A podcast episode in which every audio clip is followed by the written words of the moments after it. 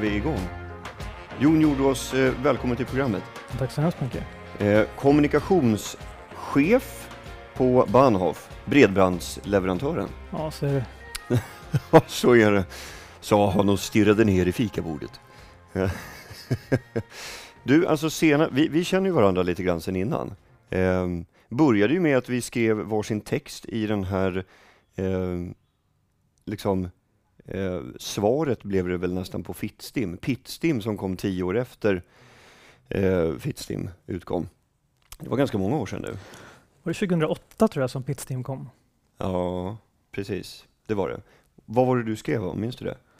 Ja, jag skrev om eh, förebilder, skulle man kanske kunna säga. De manliga förebilderna i kulturen, med tv, filmer. Ja, Jag skrev om James Bond och om eh, Rocco Siffredi. just det. Det kommer jag ihåg. Jag läste Rocco. Siffredi är ju eh, porrstjärna. Ja, just det. Ja, det är, jag har hört att han är det. just det. Ja, nej men exakt. Jag, jag minns att den texten var fylld av väldigt mycket humor. Ja. Skriver du fortfarande mycket? Nå, det, jag hinner inte skriva lika mycket nu eh, utanför jobb. Jag skriver mycket i jobbet. Och jag tycker jag försöker ha kvar humorn också. Eh, mm, men eh, jag skriver mest i jobbet nu för tiden. Du är ju ute, eh, det är ju lite med liksom eh, den skälvande handens fingrar som man manövrerar kontrollutrustningen nu eftersom det är ju inte jag som är radioutbildad, det är ju faktiskt du. Du har ju gått radioutbildningen på Dramatiska institutet, eller STDH heter det väl nu? Ja. Och va- varför sökte du dig dit då?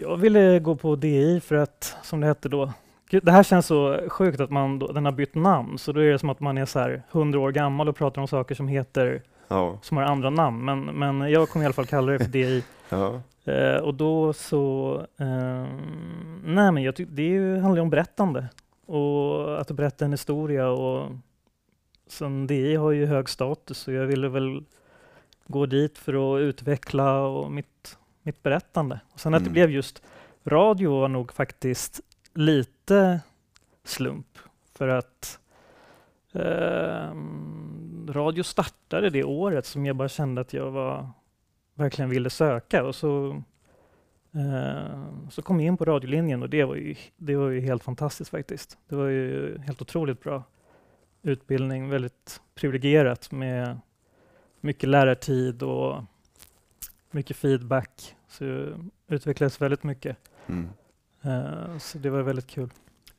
Eh, antagningen är ju liksom i tre steg. Man skickar in en, en ansökan, sen så blir man intervjuad och sen är det någon workshopdag motsvarande och sen så får man besked om man kommer in eller inte. Hur såg intervjun ut för dig? När du träffade representanter från skolan första gången? Alltså jag minns det ju som igår, alltså för att jag var så, jag vet att på väg dit så gick jag och så här, sjöng lite för mig själv. Så här. Eh, att jag hade två saker som jag ville förmedla. Så då var jag så här, eh, jag ska vara lugn, och det är ju svårt då när man då är lite upphetsad. Och så ska jag vara idérik. Så kommer jag ihåg att jag gick på Karlavägen så sjöng jag så här, lite så här, mm, jag är lugn, mm, jag är idérik. Nej, så här.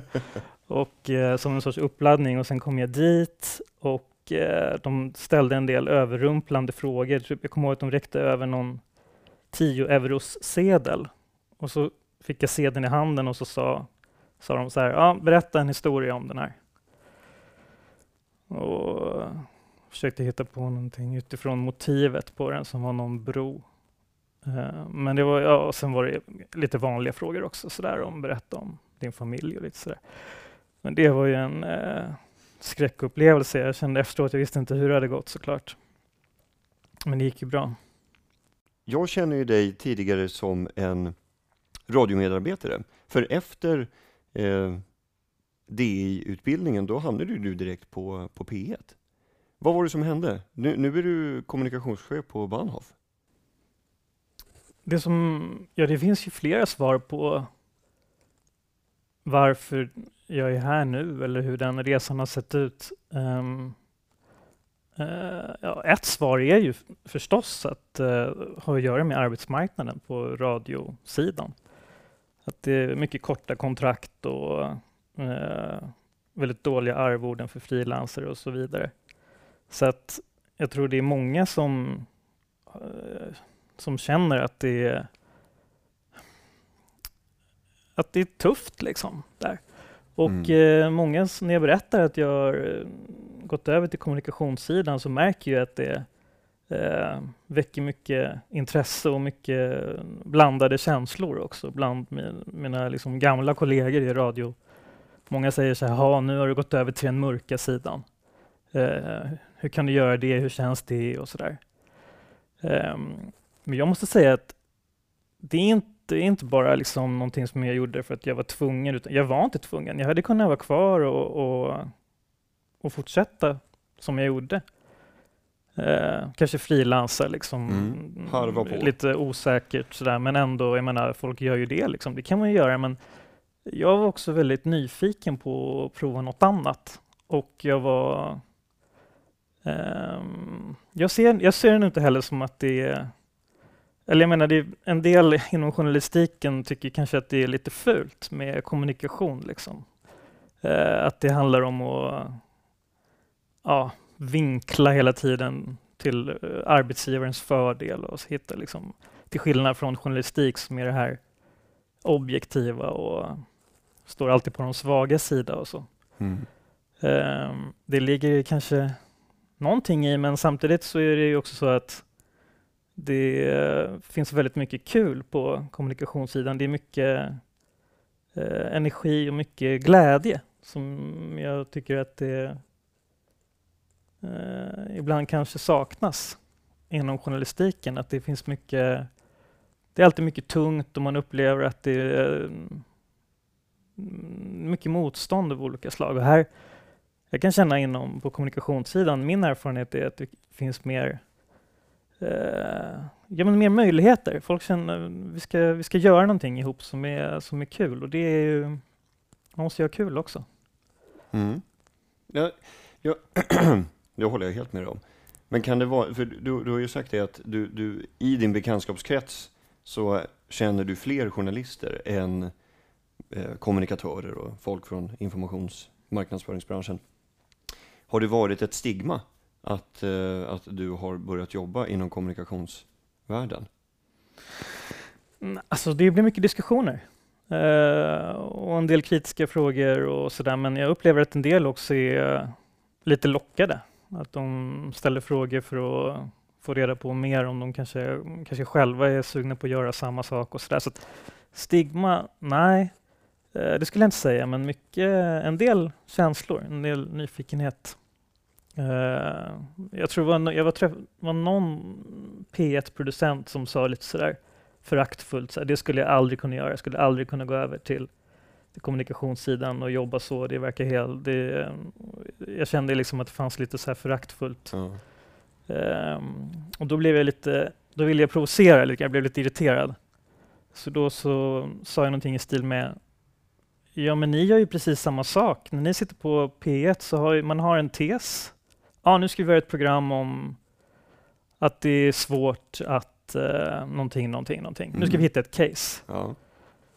Och sen går man ut och hittar ett case. Och sen hittar man inte någon som uppfyller det, eller nå, ja, det stämde inte riktigt. Ja, då går man vidare och tar nästa person. Man letar efter någonting specifikt som ska eh, hitta liksom en, Mm. som ska liksom, Ge stöd åt tesen. ge stöd åt Mm. tesen. På kommunikationssidan så är tesen oftast att det är någonting med arbetsgivaren som är bra. Så liksom, och så ger man ge stöd åt den tesen. Och på olika sätt kreativt försöka lyfta fram det. Och i, på P1 kan det vara att producenten har bestämt att "Ja, men nu ska vi göra någonting som handlar om hur svårt det är för den här och den här gruppen. Mm. Och då spelar det mindre roll om det är det. För att man redan bestämt det och så ska man liksom uppfylla den vinkeln. Mm. Ja, jag vet inte om det resonemanget håller och det, det blev en ganska irriterad diskussion. Men jag menar, jag också det finns någonting självgott i att tro att man, att man själv alltid är den som liksom gör den korrekta.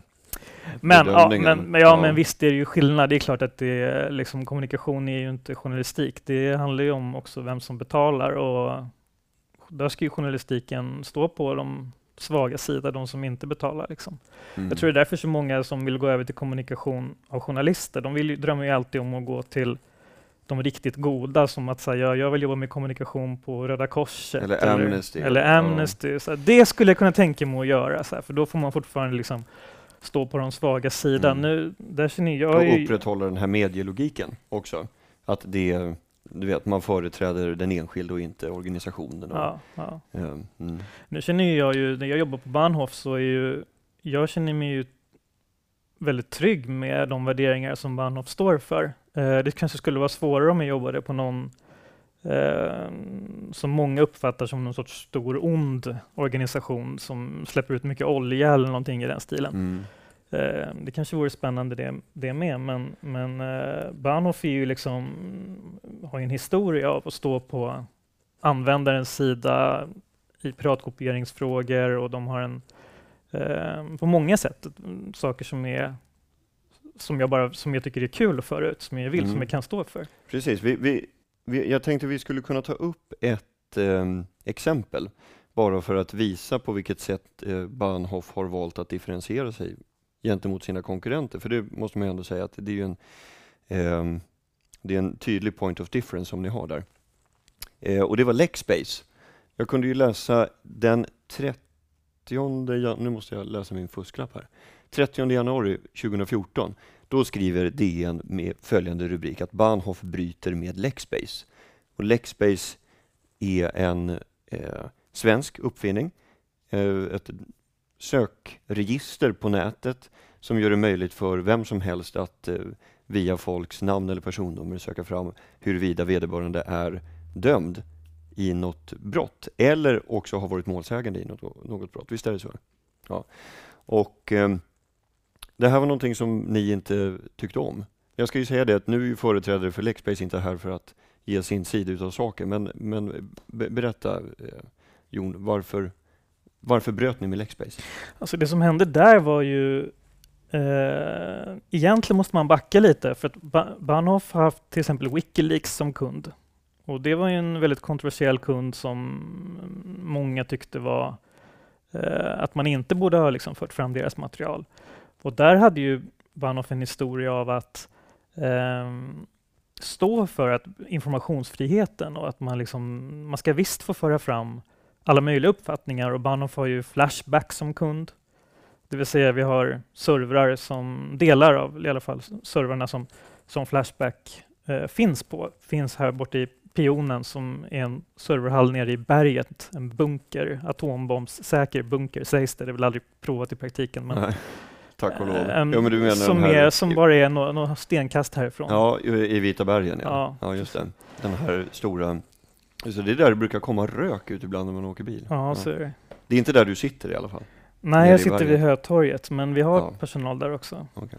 Ehm, jo, så där, har vi, där finns det ju servrar med känsligt material som man ska kunna komma åt på internet. Så därför var det också naturligt för Lexbase att välja Bahnhof som leverantör eller som operatör för att man, eh, man visste att eh, här är någon som är van vid att stå upp när det blåser lite.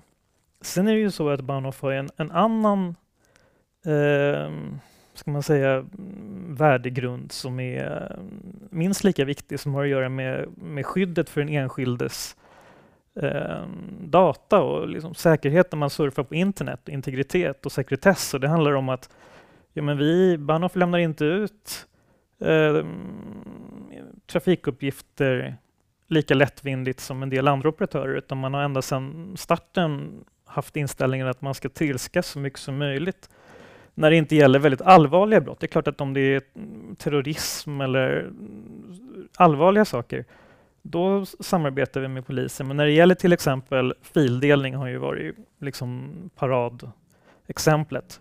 Där har ju Bahnhof hela tiden försökt obstruera och är att nej, men vi vill inte lämna ut massa uppgifter om folk eh, när det gäller sådana liksom små brott som kanske inte ens är brott utan det vi vill, eh, där handlar det om att liksom skydda användaren. Mm. Så Men som- finns det inte en skillnad mellan det är ju skillnad mellan att samarbeta och att vara skyldig till att lämna ut uppgifter. Till polisen menar jag. Mm, ja, alltså vi lämnar, det, vi lämnar ut när vi är skyldiga att lämna ut uppgifter. Ja. Det gör vi absolut. Men sen är det ofta en tolkningsfråga. Mm. Och det finns en lagtext och så finns det en ny teknik som kanske inte... Så det finns ju utrymme för tolkningar av lagen. att obstruera om man så vill kanske. Mm. Eh, och då är det ju så att andra operatörer är mer benägna att gå på polisens tolkning kanske, eller myndigheternas, Skatteverkets tolkning av lagen. Ja, Och ni skriver egna lagar, eller? Om man ska vara lite provokativ.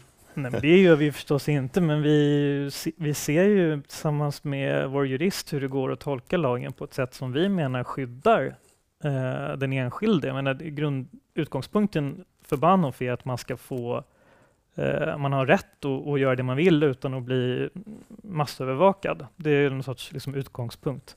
Eh, vi tror det är dåligt i, för samhället och man hela tiden känner sig em, granskad och kontrollerad. Sådär och, sådär. Men det är en stor filosofisk diskussion. Men, men innan jag tappar tråden totalt så ska jag gå tillbaka till Lexbase. Ja, just det. Och då var det så att här krockade de här två principerna som vi liksom båda hade profilerat oss på. Och det var ju ganska jobbigt kommunikativt, inte minst. Liksom nu, för att dels vill man stå upp för det här med liksom Wikileaks, Flashback, att eh, ta hand om kontroversiella kunder. Eh, dels var det ju så att i och med att Lexbase hängde ut så många människor så och dessutom var, hade en del fel i sina... De hängde ut liksom även sådana som inte var dömda och även målsägande och så vidare. Så vart det liksom den här idén om att skydda den enskilde så att den inte ska bli, bli utsatt och läcka ut i olika databaser. Den, den saken blev lidande på grund av hur Lexbase var utformat. Mm. Och det blev en sorts lillebrorsamhälle kan man säga. Så istället för det här storebrorsamhället där liksom staten bevakar vad du gör på nätet så blev det något sorts lillebrorssamhälle där dina grannar går in och tittar om du har mm, varit i tingsrätten för någon trafikförseelse eller för vad den har varit. Som liksom, när man byggde upp rättsväsendet så var det inte tänkt att det skulle bli en offentlig skampåle som skulle liksom pågå i åratal efter att brottet då egentligen är sonat. Liksom. Så det blev ju en helt ny dimension av straffet. Ja. Men jag tänker så här, om man, nu är ju Lexbase som sagt inte här, men, men eh, om man skulle liksom försöka hitta ett argument från, från andra sidan så det är ju ändå offentliga uppgifter. Och det där som Lexbase har gjort är ju bara en, en tjänst för att kunna söka fram det. Och det är det ena. Och sen det andra, om ni vill värna om den enskildes integritet, är det inte Google ni ska stänga ner då i sådana fall? För där har du ju också en offentlig skampåle. Ja, nu har ju inte vi makt att stänga ner Google. Eh, och, eh, vad gäller Lexbase så är det ju så att det var liksom det första och sista i deras affärsidé. Eh, på Google kan du nå väldigt många olika saker. Lexbase hade en idé och det var att hänga ut människor. Sen är det ju så att det var ingen lätt fråga. Det var, mm, vi satt och hade mycket långa möten och sent på kvällar och liksom nätter för att eh, det svåraste var ju att vi inte fick tag på Lexbase. De hade ju sin första presskonferens och lanserade det här med buller och bång och sen gick de under jorden. Och pratar man kommunikativt så var det kanske det egentligen som var det största problemet. Om de hade stått upp för sin tjänst, om de hade svarat på mediernas frågor, om de hade kunnat förklara på ett pedagogiskt sätt, om de hade haft rätt med sina uppgifter så att de hade haft eh, ordning och reda i databaserna så att det inte var massa oskyldiga människor som hängdes ut, då vet jag inte hur det hade blivit. Det kan ha varit så att de hade kunnat eh, förklara det på ett schysst sätt. Det som hände nu var ju att medierna kom till oss. Det är ni, eh, okej, vi har förstått att servern står och ser, vi får inte tag på Lexbase. Och eh, vad ska ni göra åt det liksom? Så att sökarljuset hamnade på Bahnhof därför att Lexbase eh, inte syntes till, gick under jorden. Och eh, det gjorde ju liksom att hela eh, ansvaret och även den liksom kommunikativa biten hamnade helt och hållet på oss. Liksom. Det var Mm. ingenting som vi hade önskat från början. Vi, hade, vi tycker det är bra om, eh, om kunderna kan själva ta ansvar för sina saker. Så det var ju någonting som komplicerade saken Mm. för, för oss väldigt mycket. Att vi var liksom tvungna att fatta ett beslut delvis eh, i deras frånvaro. Har ni, har ni fått kontakt med dem efter? De, eh, nej, vi har ingen kontakt nu längre. Eh, Jag tror att de har väl sin tjänst uppe i någon form eh, via någon utländsk server. Nej, vi har ingen kontakt eh, nu. Nej. Det, Hur länge har du jobbat på Bahnhof? Det, nu är det två år snart. Två år? Mm. Ja. För, eh, och vdn är väl fortfarande Jon Karlung? Va? Ja, det är det. Ja. Eh, den här approachen, eh, strategin om man så vill, att eh, eh, högt och tydligt i sin kommunikation ta ställning för de här frågorna som du har varit inne på. Är det din idé eller var det Jons idé? Nej, det, det har varit så sedan 94 eh, när Bahnhof grundades. Och det var också Jon, som, Jon Karlung som, eh, som var med och grundade Bahnhof. Och det här är ju för att ja, men det är helt enkelt någonting som man har trott på. Och det finns ett citat som jag har försökt googla fram, eh, apropå Google, men som jag har eh, inte lyckats. Så du kanske känner igen det. Det, det är så här, för att, vara, för att plötsligt vara på helt rätt plats så måste du ha varit på fel plats i 20 år. Känner, känner du igen det här citatet? Nej, det har jag aldrig hört. Eh, Nej, för att jag läste det någonstans och jag, sagt. tyvärr kan jag inte hitta källan, men det tror jag stämmer på Bahnhof i ett par avseenden. Bahnhof har pratat om säkerhet på nätet sedan 94 och integritet och, och yttrandefrihet och sådana saker, när inte så många brydde sig. Och sen har man gjort det i 20 år. Och sen kom Snowden. Och plötsligt så är massövervakning någonting som är på var man släppar. Och jag tror att för att vara på rätt ställe som Bahnhof var i, eller har varit i, i den debatten, så måste man kanske först ha varit fel i 20 år. Eh, nu har inte Bahnhof varit fel i 20 år, för det har funnits eh, många bra eh, debatter tidigare och sådär. Men liksom, jag tror att det är faktiskt så att samhället har kommit ikapp lite grann de frågorna som och då är Bahnhof otroligt väl positionerade för att det är, genuint, för att det har varit någonting som, som vdn har pratat om hur länge som helst. Mm.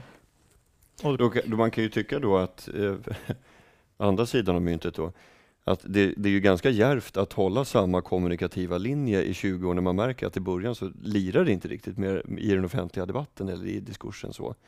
Eh, vad, vad, men det har ju uppenbarligen gått bra. Var, var, var kommer de största intäkterna ifrån? På Bahnhof idag? Är det Eh. privatpersoner eller har ni företag eller hur ser det ut? Ja, eh, ungefär hälften är privatmarknaden, bredbandsanslutningar. Och ungefär hälften av omsättningen är företagsmarknaden. Då är det bredbandsanslutningar samt serverkunder då så att säga, av de sådana som vi har nämnt, några stycken. Och sen är det eh, en del också konsultlösningar och sånt, men också vad gäller serverlösningar så kan det vara, det är inte bara sådana kontroversiella kunder, utan det är också banker och alla möjliga som vill ha servrarna på något säkert ställe. Men, ehm, och omsättningen nu är väl, tror jag, lite över en halv miljard, de senaste siffrorna, att det har gått över nu eh, en halv I- i miljard Sverige? På, på årsbasis. Mm. Ja. Ehm, så så att det är en, ändå, det har ändå gått bra, men från början, man märker ju det, vi har ju liksom, eh, Bahnhof har fans verkligen, som har varit med från början och som har väldigt starka åsikter och som kommer med mycket feedback hela tiden. Så på så sätt, apropå, vi pratade om Röda Korset och liksom ideell verksamhet, så är det som att eh, det finns kunder till Bahnhof som har lika starka känslor inför internet Mm. som jag tror att en del av Amnestys medlemmar har för mänskliga rättigheter. Så det handlar om rättigheter. Ehm, och det är alltid en utmaning för att när man då är en kommersiell verksamhet så ska man ju förstås göra många saker samtidigt. Så man vill både mm, ha en affär och så vill man samtidigt inte svika de här idealen och det tycker jag man har fått lyckats bra med. Men det är klart att det är det som är utmaningen. Mm. Det, det är många som, eller du har sagt att det är många journalister som hör av sig till dig med idéer om content marketing. Och jag tänker att alltså just Bahnhof är väl världens bästa native-kund. Just att du, du kan ju ha journalister som kan fortsätta skriva ungefär samma artiklar fast det är ni som betalar för dem. Mm. Ja, alltså vi, det, är, det är faktiskt väldigt intressant. Det är, flera gånger i veckan så ringer det eh, någon och vill liksom sälja in någon, att vi ska, ja, content marketing, olika produkter helt enkelt. Och det är roligt för man vet alltid när det är en, om jag säger riktig journalist som ringer. För då, är det, då ringer de alltid, då går de in på hemsidan och så hittar de medieavdelningen och så hittar de mitt nummer och så, så ringer de mig.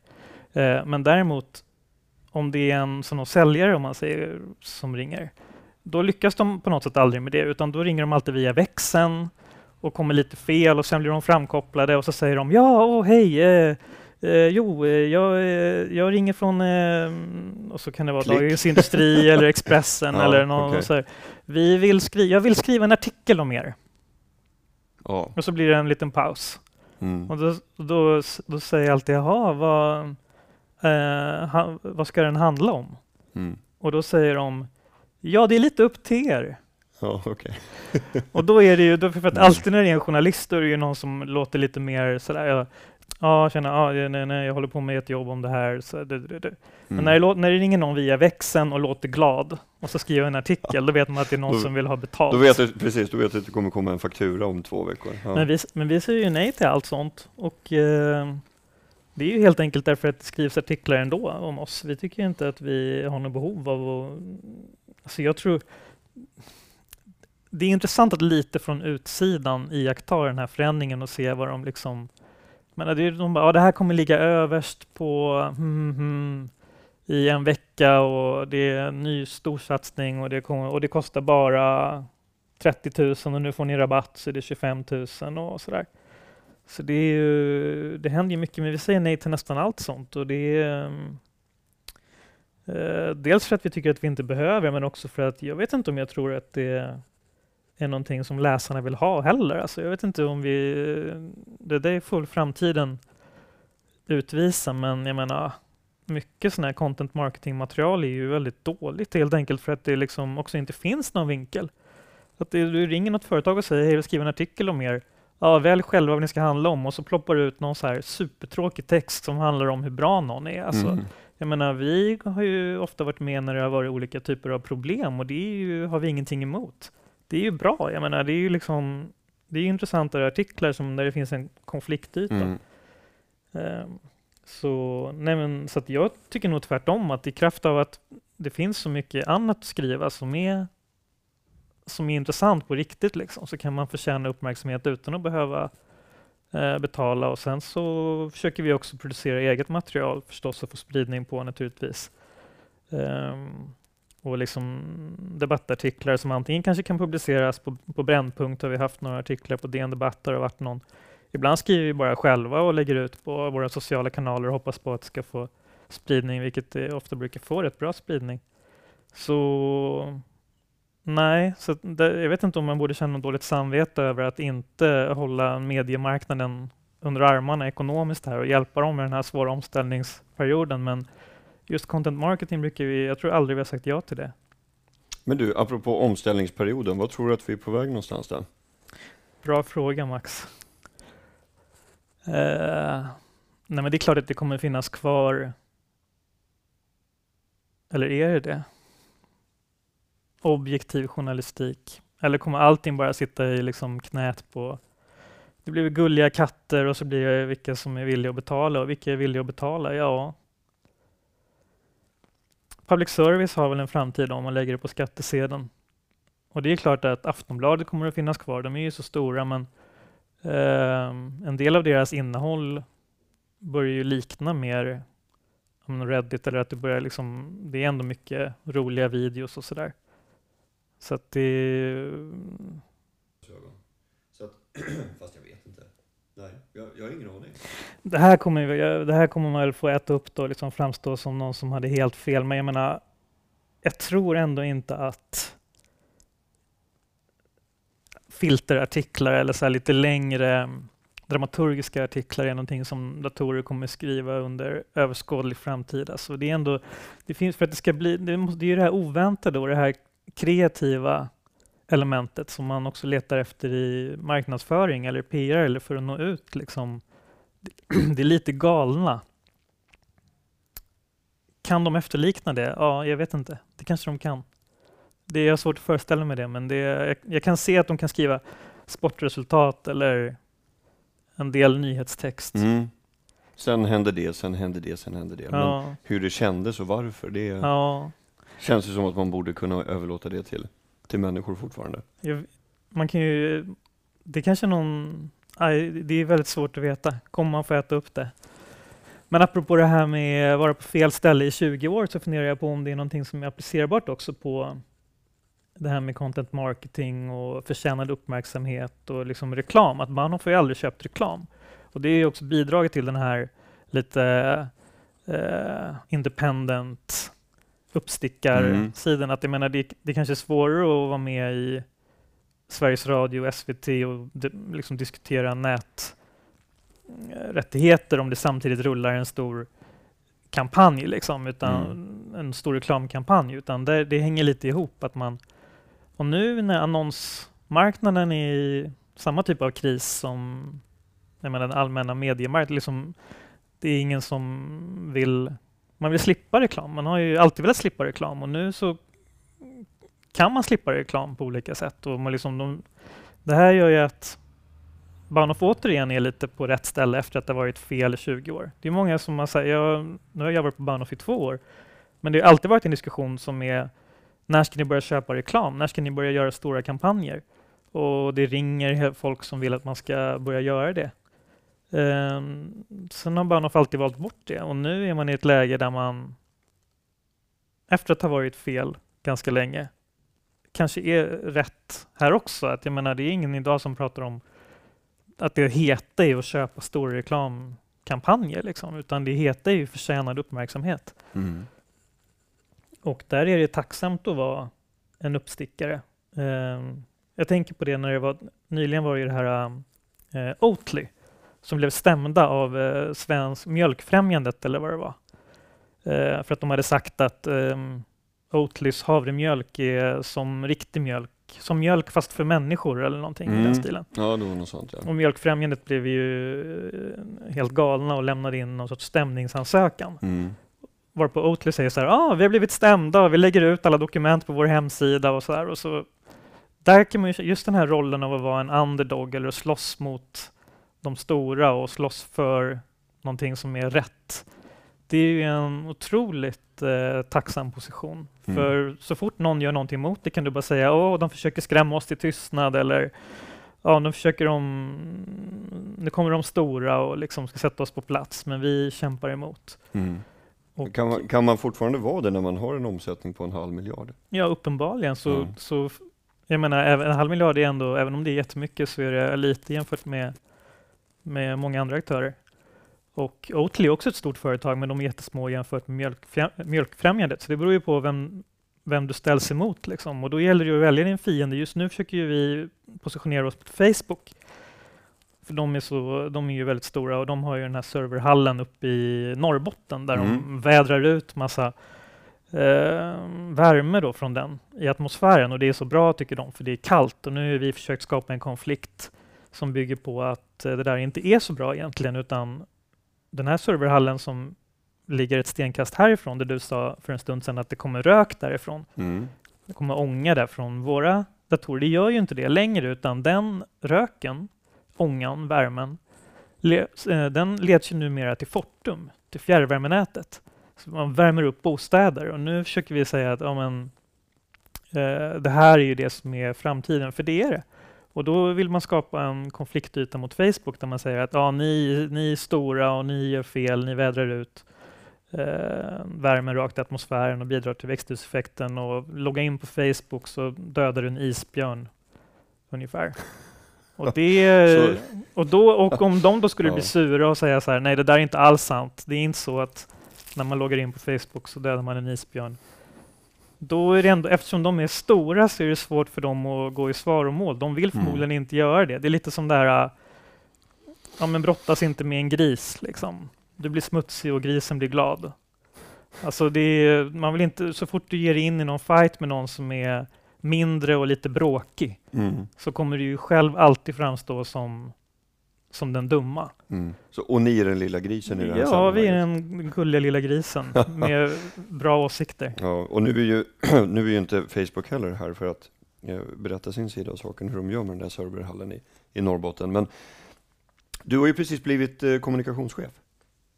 Hur känns det? Gratulerar! Tack! Ja.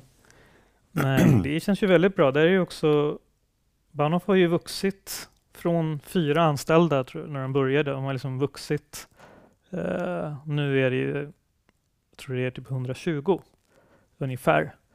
Och då, um, det är samma sak där, att den har ju... Alltså avdelningarna har ju vuxit långsamt och nu har vi en um, marknadskommunikationsavdelning som är fyra personer då, och som, där det är jag som är kommunikationschef. Och det är, um, när jag började då var det jag som var kommunikatör och så jobbade jag väldigt nära vdn Jon Karlung för han, har ju, han är ju lite grann som den femte i gruppen, eller han har ju otroligt mycket åsikter om kommunikationen. Eh, väldigt bra åsikter. Det är ju tacksamt att ha en VD som är en frontfigur som gör sig så pass bra i tv som han gör. Um, så det, ja, det, det är väldigt kul. Det är kul att vara på ett företag som växer och som sagt där det finns, känns som att det finns möjligheter.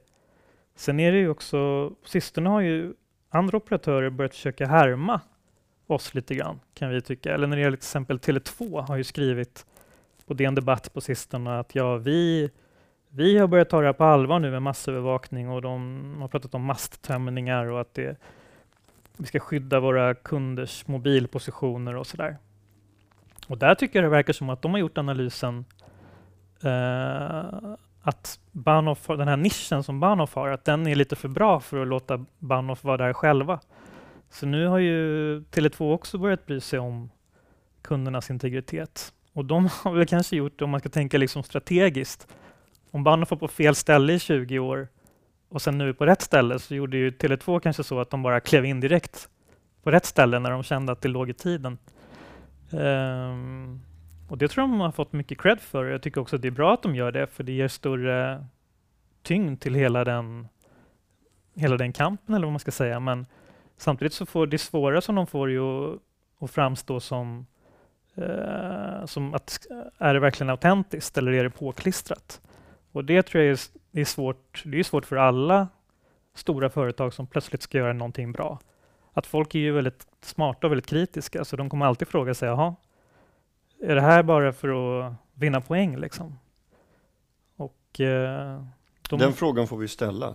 Jag, jag har bjudit in eh, Tele2s kommunikationschef. Ja. Vi får se till att hon säger ja så att så hon kan få utveckla tankarna själv här ja, ja, det, kring, kring det. Ja, det är ja. intressant Absolut. att se. Men du, vad, eh, om ni är, ni har varit fel i 20 år, liksom med lite glimten i ögat, och nu så är ni, nu så är ni rätt, liksom, eftersom samhällsdebatten har styrt åt det hållet. Var kommer ni vara om 20 år igen då? Kommer du fortsätta, liksom, kommer diskussionen fortsätta att vara liksom i linje med det ni vill kommunicera eller kommer det vara som cowboyboots, att de vinner vart 30 år ungefär? Alltså jag tror att det kommer bli väldigt mycket värre vad gäller frågor om integritet och vad gäller frågor om vilka vi är online. Alltså jag tror det de här läckorna som vi har sett nu där folk bekymrar sig över att det läcker ut privata bilder eller att det på något sätt jag tror det finns, jag tror det är liksom det kan hända rätt mycket otäckare saker. Jag tror vi är liksom början där av någonting faktiskt. Och det beror också på vem som har makten. I Sverige är vi ganska naiva och tänker att ja, men staten vill oss väl och så. Det tror man ju inte i så många andra länder i världen. I de flesta andra länder i världen så är det ju Tycker du inte om att det, staten har massa uppgifter om dig och massa listor på människor och deras intressen och vad de tycker därför att du vet att det här leder till att de upprättar olika listor på fiender. Um, men här tänker vi så här, ja det gör väl ingenting och jag har ingenting att dölja och sådär. Och uh, det är bra, man kan vara optimistisk. Det får väl framtiden utvisa om hur farligt det är. Jag tror att det finns en risk att det är rätt farligt och då blir ju diskussionen om sekretess och integritet kom, kommer ju bara bli mer aktuell då. Jon Jordås, stort tack för att du ville vara med. Tack för att jag fick komma.